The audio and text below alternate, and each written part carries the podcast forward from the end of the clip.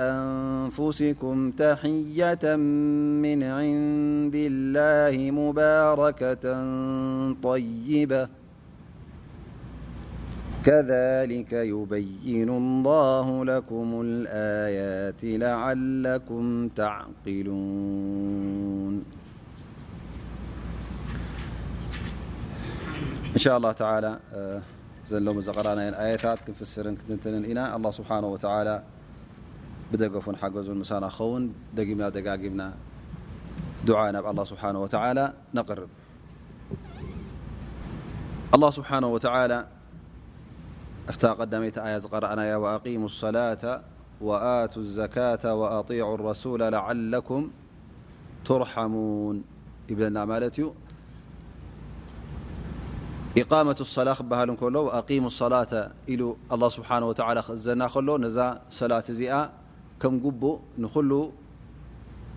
ኣርካን፣ ሽሩጥ፣ ኣማሊእካ ቅድመ ኩነት ዘሎ እቲ ኩሉ ቀንድታታ ኣማሊእካ ክትሰግዳ ከለኻ እዚዩ እቲ ኢቃመቱ ሶላት ዝበሃል ደኣ እምበር እንተ ገለ ገለ ትንኪ ኮይንካ እንተ ኣብ ዘይእዋና ግዜ ኣሕሊፍካ ትሰግዳ እንተ ኣለኻ ኮይንካ ወይ ውን ገለ ካብቲ ጉቡኣት ነዛ ሰላት እዚኣ ክትሰግድ ከለኻ ቅድሚ እቲ ሰላት ክትገብሮ ዘለካ ናይ ጠሃራን ናይ ካልእ ዓይነት ኣድላይ ጉዳያት ኮይኑ ወይ ውን ኣብቲ ውሽጢ ሰላት ክሹዕ ዘይብላ ሰላት ክትከውን ከላ ወይ ውን ካብቲ ኣርካናታ ኣጉዲልካ ክትሰግዳ ከለኻ እዚ ኢቃመት ሰላ ናይ ብሓቂ ኣይበሃልን ወ ትሰግድ ኣለኻ ግን እቲ ሰላት ንገዛ ርእሱ ኣየቆምካዮን ማለት እዩ ከም ጉቡእ ጌና ጎባጥ ሰላት ኢኻ ትሰግድ ዘለኻ ማለት እዩ ስለዚ ነዚ ሰላት እዚ ከም ግቡእ ከተቑሞ እንከለኻ እዚ እዩ እቲ ኣላ ስብሓን ወተዓላ ካባኻ ዝደልዮ ኣቂሙ ሰላ ኢሉ ኣላ ስብሓን ወተዓላ እውን እዚኣ እታ መሰል ናይ ጎይታ ዕባዳ ንኣላ ስብሓን ወተዓላ ኢልካ እትገብራ ነዚኣ ኣላ ስብሓን ወተዓላ ከም መጀመርያ ንዓኣ ጠቒሱ ማለት እዩ ከምኡ እውን ብድሕሪኣ ወኣቱ ዘካታ ኢሉ እውን ደጊሙ ድሕሪ እዛ ሰላት እዚኣ ኣላ ስብሓን ወተዓላ እዛ ዘካት እዚኣ እውን ኣድላይነት ስለ ዘለዋ እሳ ውን ምስ ናይ መክሉቂን ምስ ናይ ፍጡራት እተኣሳሰረት መሰል ናቶም ስለ ዝኾነት ውን ንኦም ውን ሰናይ ክትገብረሎም ፅቡቕ ንክትገብረሎም ነቶም መሳኪን ኮይኖም ነቶም ድኻታት ነቶም ዘኽታማት ፅቡቕ ክትገብረሎም እትእዝዝ ማለት እዩ እዚ ዘካት እዚ ድማ ከምቲ ኩላህና ንፈልጦ ሓደ ካብቲ ኣርካን ኣልእስላም ስለ ዝኾነ ብድሕሪ ሸሃደት ኣን ላኢላሃ ኢላላህ ወኣና ሙሓመደን ረሱሉላህ ብድሕሪ ሰላት ምስጋድ እንታይ ይመፅእ ማለት እዩ ናይ ኢታ ዘካት ዘካት ምሃብ ይመፅእ ማለት እዩ እዚ ዘካት እዚ መሰል ናይቶም ፍጡራት ኮይኑ ኣላ ስብሓን ወተዓላ ሕጂ እተን ክልተ ተሓንቲ ናቱ ውፅእቲ መሰል እያ ማለት እዩ ንኣላ ስብሓን ወተዓላ ኢልካ ትሰግዳ ሰላት ማለት እዩ ርክብ ኣብ መንጎኻን ኣብ መንጎ ጎይታን ዘላ ማለት እዩ ተኻልኣይቲ እወ ሊላህ ስብሓነሁ ወተዓላ ኢልካ ትገብራ ኢኻ ግን ምስ ምንታይ ተኣሳሰረት ማለት እዩ ምስቲ መሰል ናይ ፍጡራት ከም መሰሎም ስለ ዝኾነ እቶም ድኻታት ነቶም ስኡናት ክትዕግዞም ከለኻ ክትዕንግሎም ከለኻ እዚ ብትእዛዝ ኣላ ስብሓን ወተዓላ ስለ ዝኾነ ኣላ ስብሓን ወተዓላ ስለ ዝኣዘካ ትፍፅሞ ማለት እዩ ግን መሰል ናቶም እውን ከም ዘለዋ ናይ መክሉቂን ናይ ፍጡራት ከም ዘለዋ ክንፈልጥ ኣለና ማለት እዩ ፈኢዘን ኣላ ስብሓን ወተዓላ ነዚአን ክልተ ጠቂሱ ብሓፈሹ ድማ ወኣጢዑ ረሱላ ኢሉ ውን ኣላህ ስብሓን ወተዓላ ይሕብረና ማለት እዩ። እቲ ጣዓት ረሱል ማለት እቲ ነቢና ሙሓመድ ስለ ላሁ ዓለይሂ ወሰለም ዝኣዘዝዎ ንዕኡ ክትምእዘዝ እንከለኻ ንዕኡ ክትፍፅም እንከለኻ እዚ እቲ ጣዓት ረሱል ስለ ላሁ ዓለይሂ ወሰለም ዝበሃል ከምኡ ውን ካብቲ ዝኸልከሉኻ ክትክልከል እንከለኻ ነዚ ትእዛዝ ናቶም ቅጥ ኣቢልካ ሒዝካ ክትከይድ እንከለኻ ናይ ብሓቂ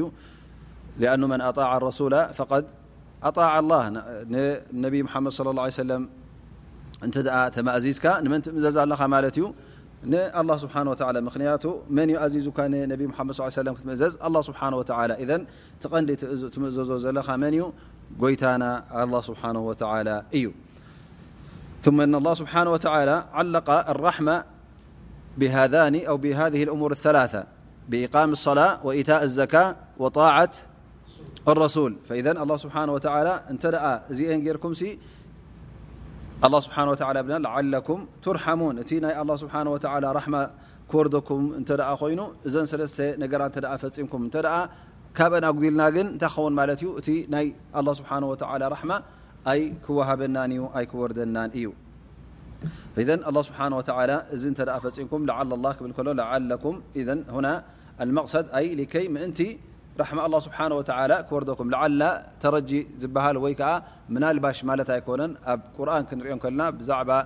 ኣላህ ስብሓነሁ ወተዓላ ዝጠቕሶ ለዓለኩም ትርሓሙን ለዓለኩም ተተቁን ኢሉ ዝጠቕሶ እንታይ ማለት እዩ ኣይ ምን ኣጅል ኣን ትርሓሙ ምእንቲ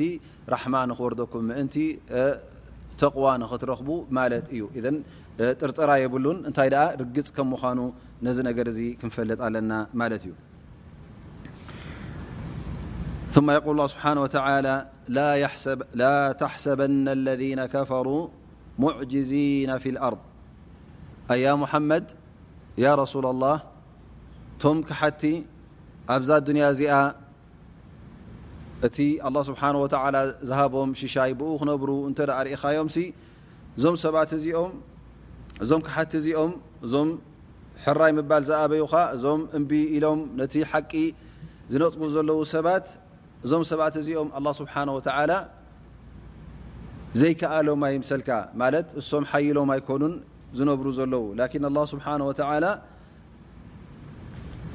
ዩምሂል ወላ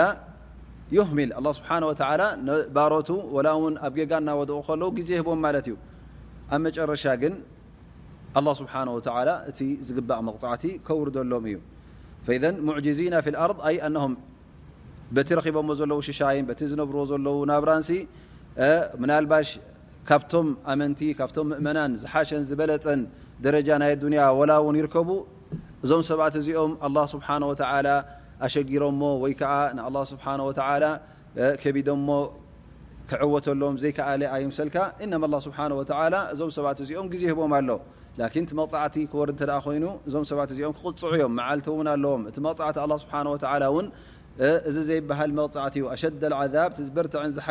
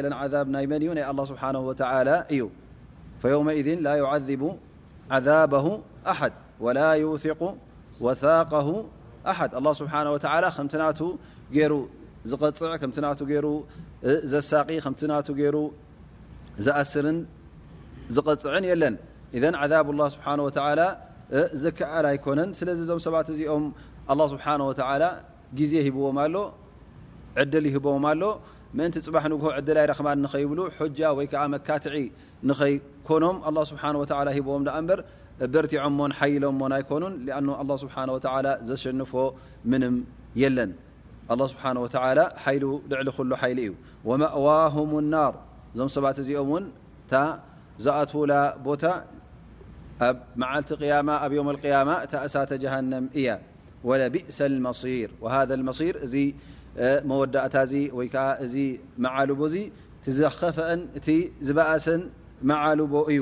ምኽንያቱ ንመዋእልካ ኣብ ስቓይ ኣብ እሳት ጀሃነም ክትድርበ ከለኻ ካብኡ ዝብእስን ካብኡ ዝኸፍእን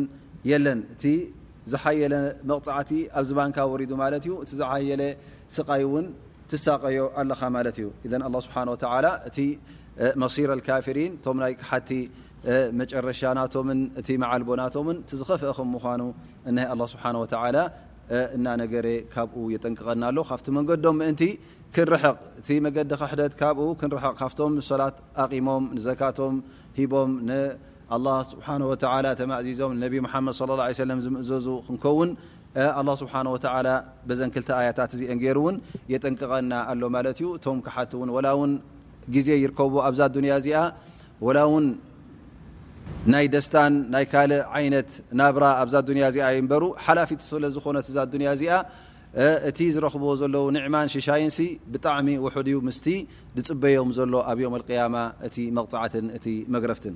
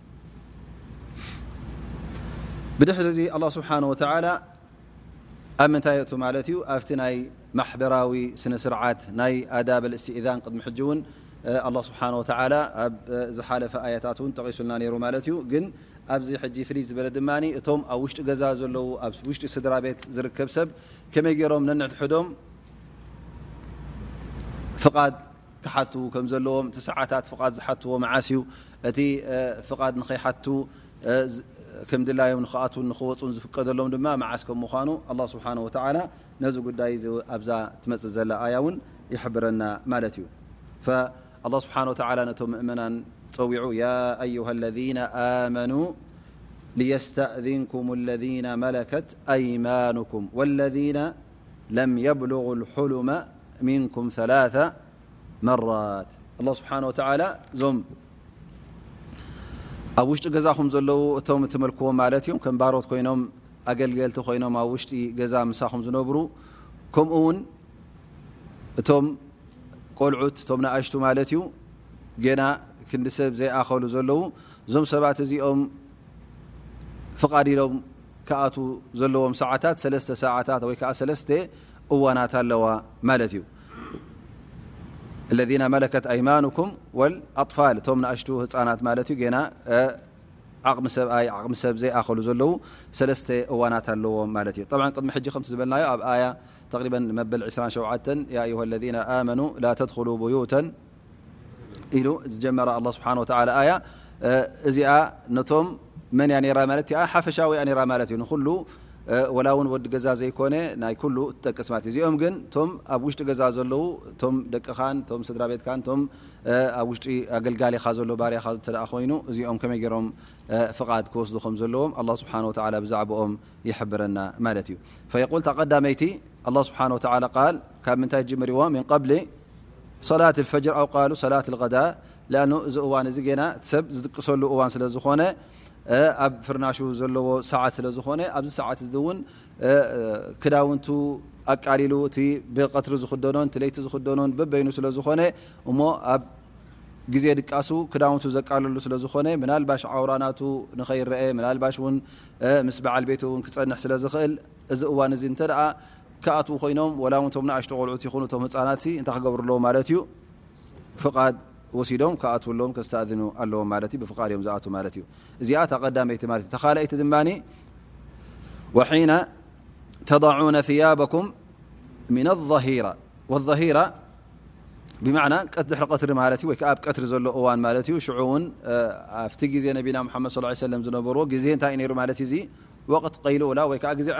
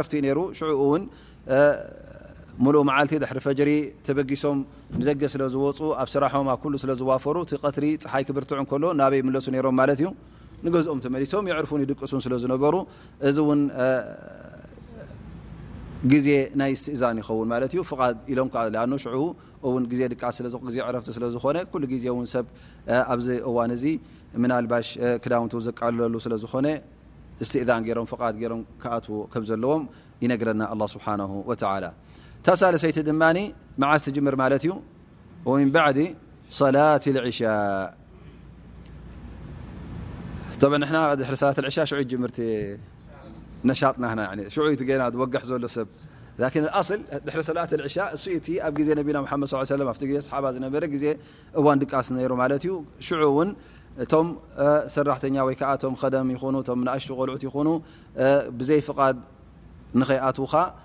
ክልኩል ከም ምዃኑ ኣላ ስብሓን ወተላ እዛ ሳለሰይቲ እዋን ወይ ከዓ ሳለሰይቲ ሰዓት ኣላ ስብሓን ወተላ ይጠቕሰልና ማለት እዩ እዘን ሰለስተ እዚአን ከዓ ከምቲ ዝበልናዮ ግዜ ምናልባሽ ከምቲ ዝበልናዮ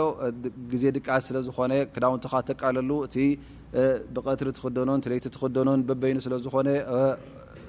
ሰብኣይን ሰበይትን እውን ምናልባሽ ኣብዚ ግዜ እዚ ዓውርኦም ከይረአ ኣላ ስብሓን ወተላ እዞም ሰባት እዚኦም ፍቓድ ኢሎም ንክኣትዉ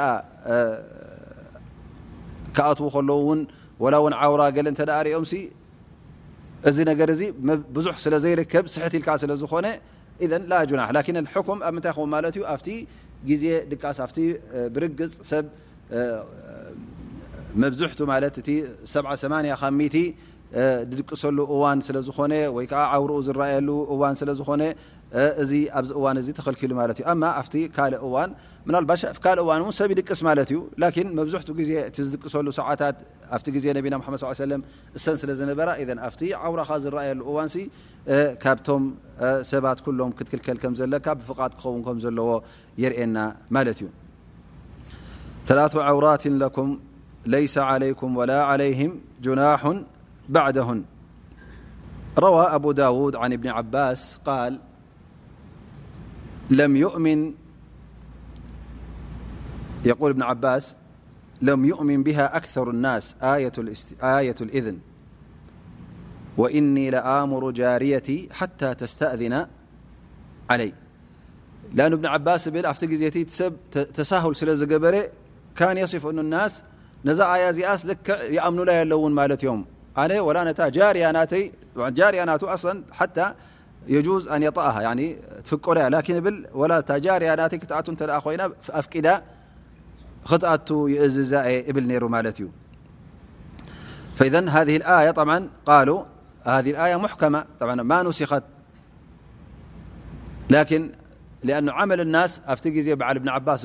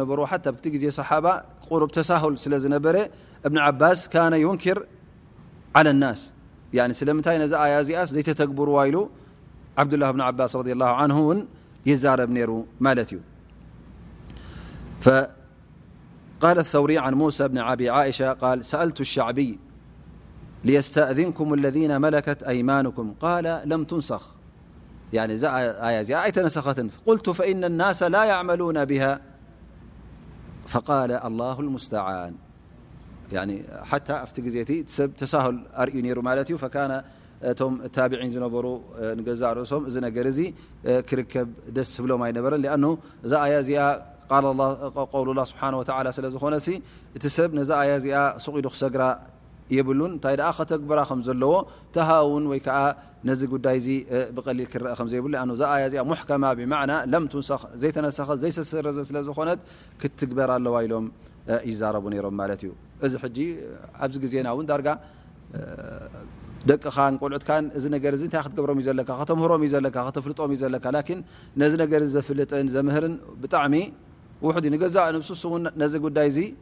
ዘይፈልጥ ክኸውን ይኽእል ማለት እዩ ثላث ዓውራት ለኩም ለይሰ ዓለይኩም ወላ ዓለይህም ጅናሑ ባዕደሁን ጠዋፉና ዓለይኩም ባዕضኩም ዓላى ባዕض ጠዋፉና ዓለይኩም ብማዕና እነ እዞም ሰባት እዚኦም እቶም ደቅኻ ስለ ዝኾኑ ወይ ከዓ እቲ ባርያኻ እታ ኣማናህካ ማለት እዩ ኣብ ውሽጢ ገዛ ስለ ዝውዕሉ እሞ ከዓ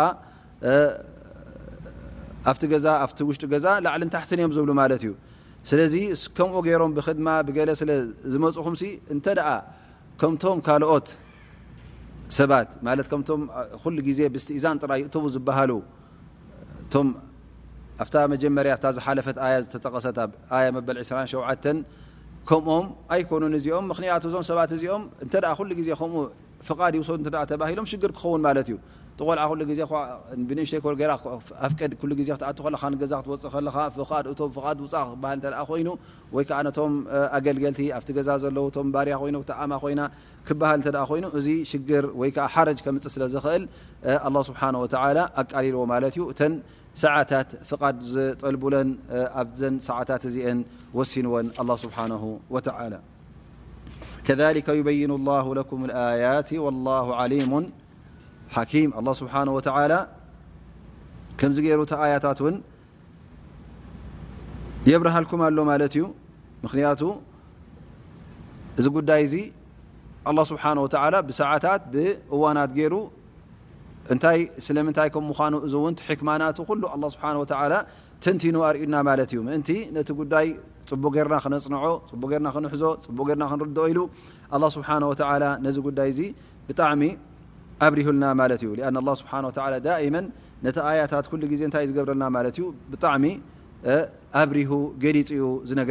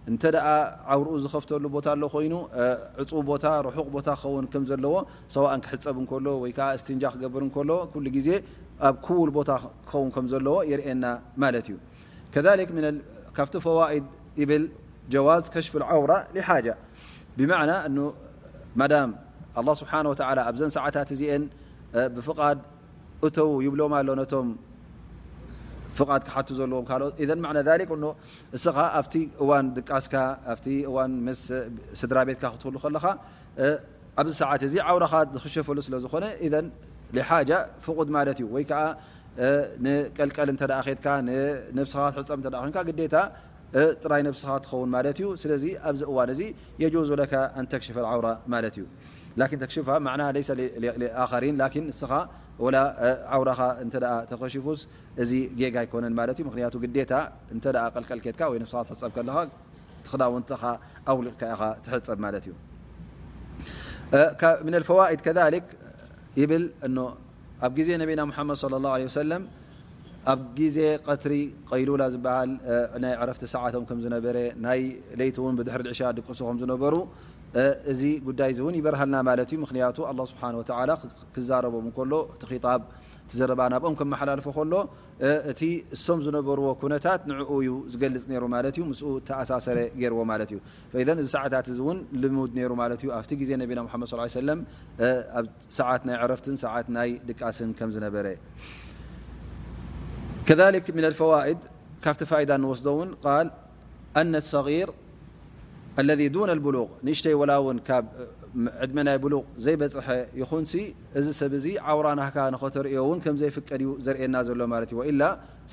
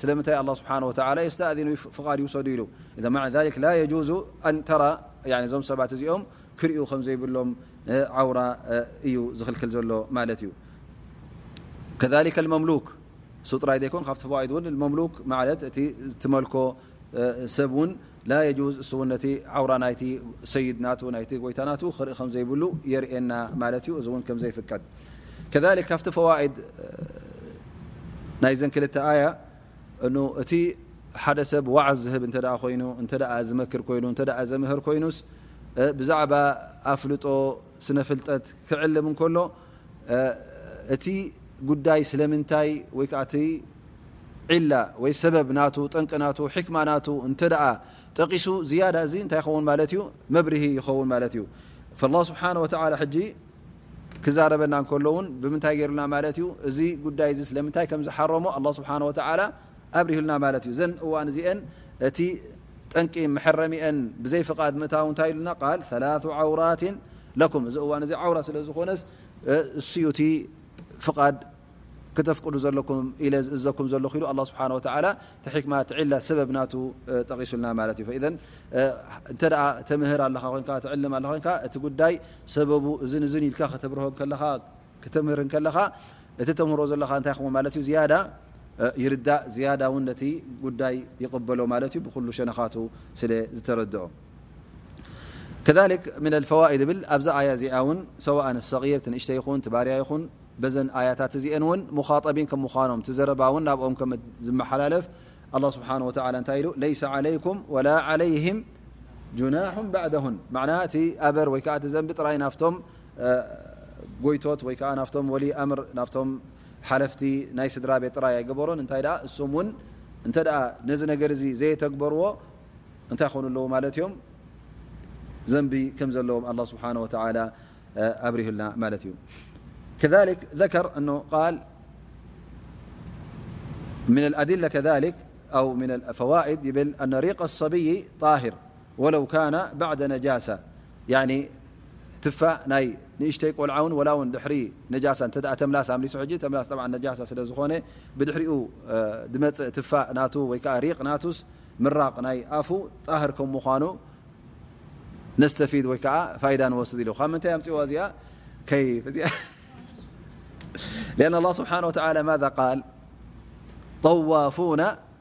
عليكم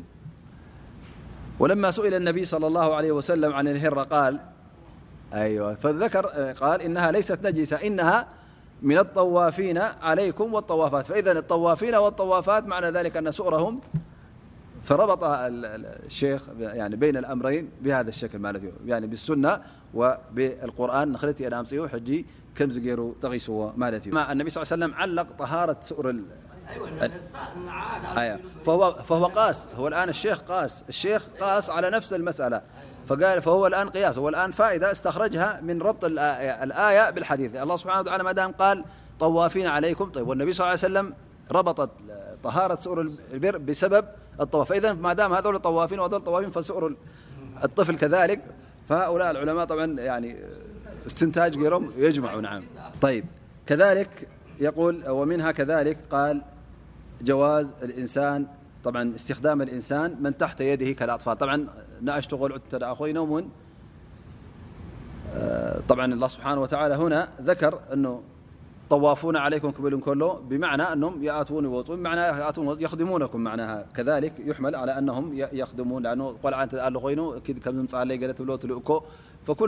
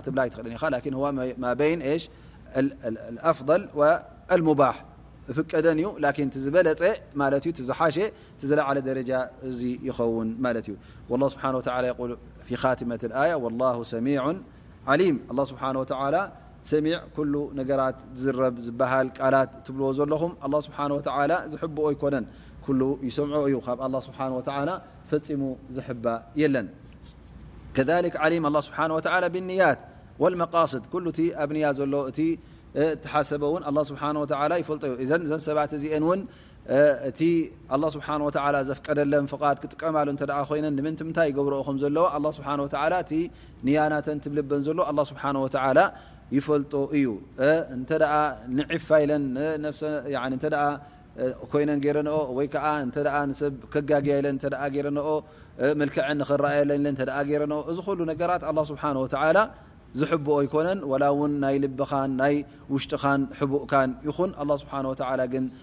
ክሕብኦ ዘይከኣል ስለ ዝኾነ ኣላ ስብሓን ወተላ ነዘን ክልተ ዓበይቲ ስፋት ናቱ ገሊፁ የጠንቅቐና እዩ ዘሎ ማለት እዩ ዓሊምቲ ኣን ላ ስብሓን ወተላ ሰሚዑን ሊኩል ማ ተቁል ኩሉ እቲ ካብ ኣፍካ ዝወፅእ ትብሎ ዘለኻ ኣላ ስብሓን ወተላ ይሰምዖ ከም ምኳኑ እተ ፈሊጥካ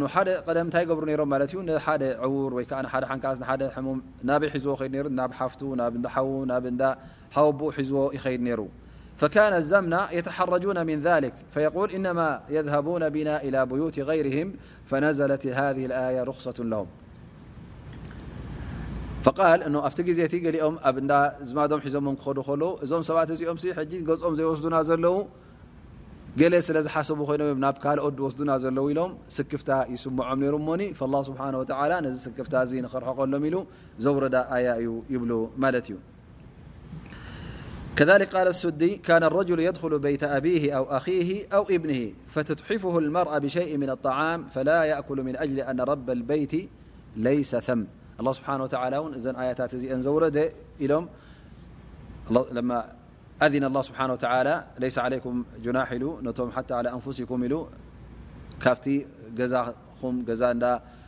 ሓውኹም ሓፍትኹም ኩሉ ዝበሎስ ቀደም ኣብቲ ግዜቲ እውን እንዳ ሓፍቶም ክኸዱ ከለዉ ወይ ከዓ እንዳ ጓሎም ክኸዱ ከለዉ እንዳ ገለ ክኸዱ ከለዉ ሕጂ እመፁ ይቕርባሎም ማለት እዩ ኣምኡ ትቕርበሉ ሓፍቲ ትቕርበሉ ፈካኑ እንተ እቲ ዋና ገዛ ዘየ ሎ ኮይኑ እንታይ ኮይ ስከፉ ነይሮም ማለት እዩ እዚ ገዛስ ዋንኡ የለን እቲ ሰብኣይ በዓል ገዛ የለን እሞ ኣነስ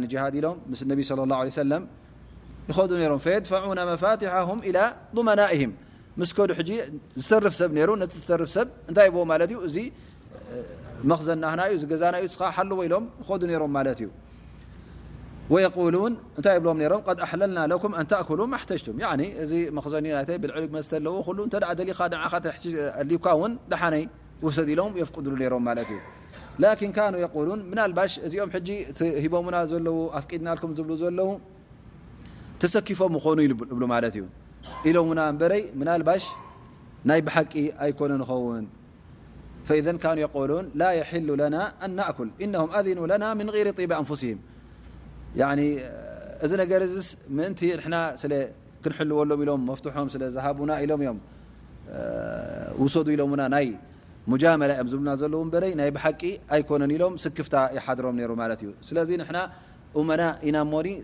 ነዚ ነገር እዚ ክንወስድ የብልናን ኢሎም ይጥንቀቑ ስለ ዝነበሩ ኣላ ስብሓን ወተላ ሕጂ ኣፍቂድሎም ማለት እዩ እተ ኣብ ኢድኩም ኮይኑ ምፍታሕ እተ ኣድልኩም ክንደቲ ካብኡ ንክትበልዑ ንክትሰትዩ ኣላ ስብሓን ወተላ ኣፍቂድ ወቃሉ ይሩም ከ ምናልባሽ እዚ መለክቱ መፋትሑ ዝበሃሉ ዝብለዉ ድማ እቶም ምናልባሽ ቶም ሰራሕተኛ ይኮኑ ሓላፊ ናይ መክዘን ዝኸውን ንስኻ